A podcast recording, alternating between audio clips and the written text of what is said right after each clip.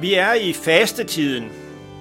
Søndagen hedder tredje søndag i fasten. Fastetidens gudstjenester har lidt sit eget præg.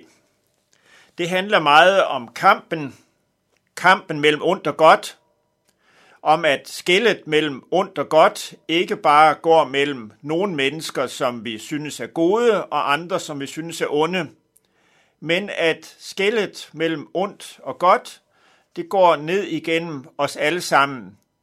Vi er alle sammen en del af kampen mellem det onde og det gode.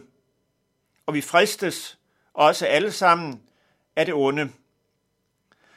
Første søndag i fasten for to uger siden handlede især om fristelser, om at Jesus blev fristet af djævlen, men sejrede over ham, modstod fristelsen men handler også om, at vi fristes, og at vi på mange måder er svage.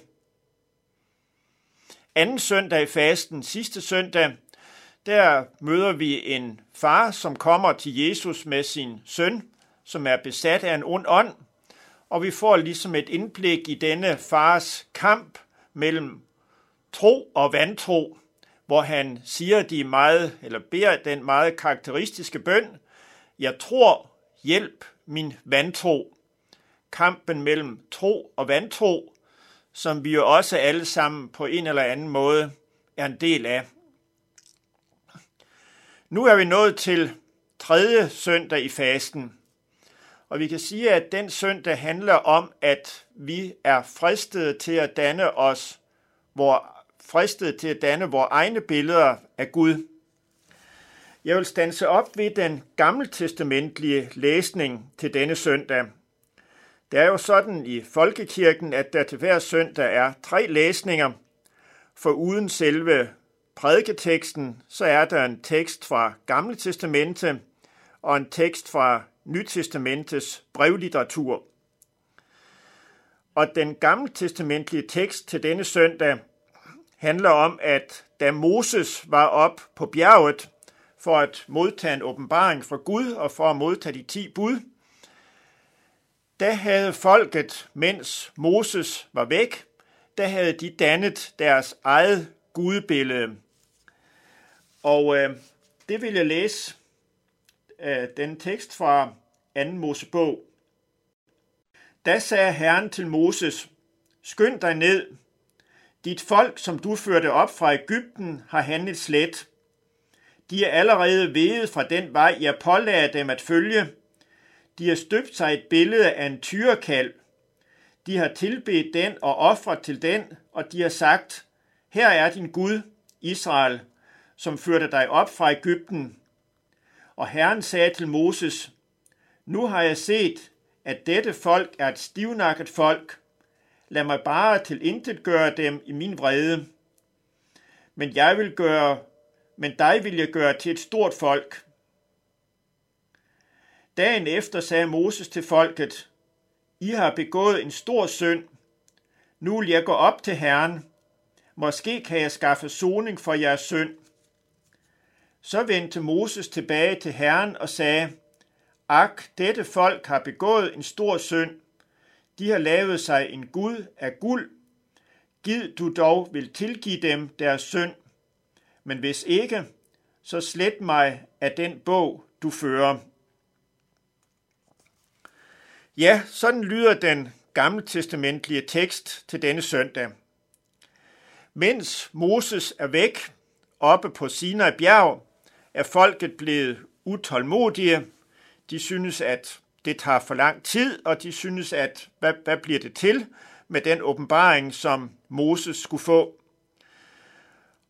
Og der har de følt behov for at have en synlig Gud. Noget, som de kunne se og tage og føle på. Og Aaron, som var deres leder, mens Moses var på bjerget, han føjede dem. Han siger, tag de, øh, tag de øreringe og guldringe af, som jeres koner og jeres sønner og døtre har i ørerne, og bring dem til mig. Og så kom folk med deres guldringe og smykker og afleverede dem til Aaron, og han sørgede for, at smykkerne blev smeltet om, og han dannede, eller de lavede en guldkald af smykkerne. Og nu holdt folket fest, de dansede og klappede og spiste og drak omkring guldkalven. Vi kan synes, at det virker meget primitivt og meget naivt. Hvad kan sådan en guldkald, som de selv har støbt, hvordan skal den kunne hjælpe dem?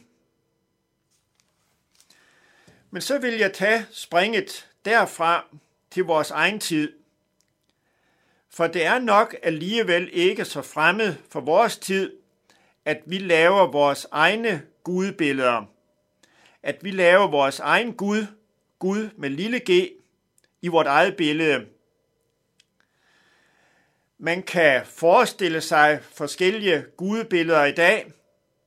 Der er mennesker, der siger, at Gud er en gammel mand med hvidt skæg, som sidder et eller andet sted op over skyerne. Eller Gud er en rar gammel bedstefar. Eller man kan tale om Gud på helt andre måder. Man kan sige, at Gud er det gode i mennesket. Eller man kan gøre rigdommen, alt det som man ejer, det kan næsten få status som en Gud for en. Og sådan kan vi også i dag lave vores egne billeder af Gud. Ja, der er også mennesker, der siger, at der findes ingen Gud, og så gør man faktisk mennesket selv og menneskets egne iboende muligheder til en Gud. På den måde kan vi også lave vores egne billeder af Gud. Men på den måde gør vi Gud mindre, end han er. Der er også nogen, der danner eller gør Gud til en SOS-Gud, en som man kan tilkalde sådan i nødsituationer, når man har særlig brug for det. Jo, vi er også tilbøjelige til at danne vores egne guder eller vores egne gudebilleder. Og derfor skal det også siges til os, at Gud er langt større, end vi kan forestille os. Der er en lille historie, den går vist nok helt tilbage til kirkefaren Augustin. Han fortæller om, at han en dag mødte to drenge, der sad ved stranden og legede i sandet. Så spurgte han de to drenge, hvad de lavede, og de svarede, vi er ved at lukke havet ind i de små huller i sandet. Og det bruger Augustin til at sige, at lige så lidt som man kan lukke havet ind i de små sandhuller, lige så lidt kan vi putte Gud ind i vores egne hjemmelavede kasser eller ind i vores hoveder. Vi kan ikke lave vores egne billeder af Gud, eller vi kan ikke forme Gud efter vores egne billeder. Men vi må bøje os for den Gud, som har åbenbaret sig. Den Gud, som er skaberen af alle ting. Den Gud, som er uudgrundelig for os. Ham, som er langt større, end vi kan fatte og udgrunde. Den Gud, som også er en hellig Gud, som vi må bøje os for i ærefrygt. Hvilken trøst var det i at danne sig, eller i at støbe en guldkalv og danse omkring guldkalven?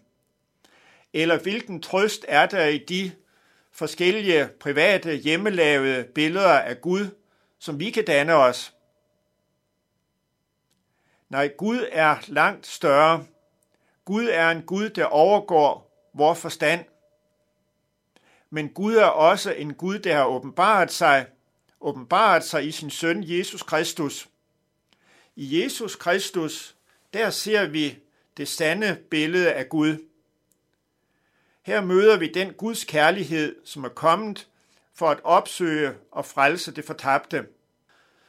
Så håber jeg, at vi også denne søndag og også her i hele fastetiden må få Guds lys over os, så at vi ser Guds billede klart i Kristus.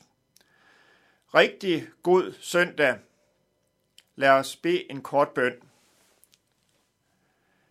Ja, kære Herre Jesus, hjælp os til at se Guds billede i dig. Amen.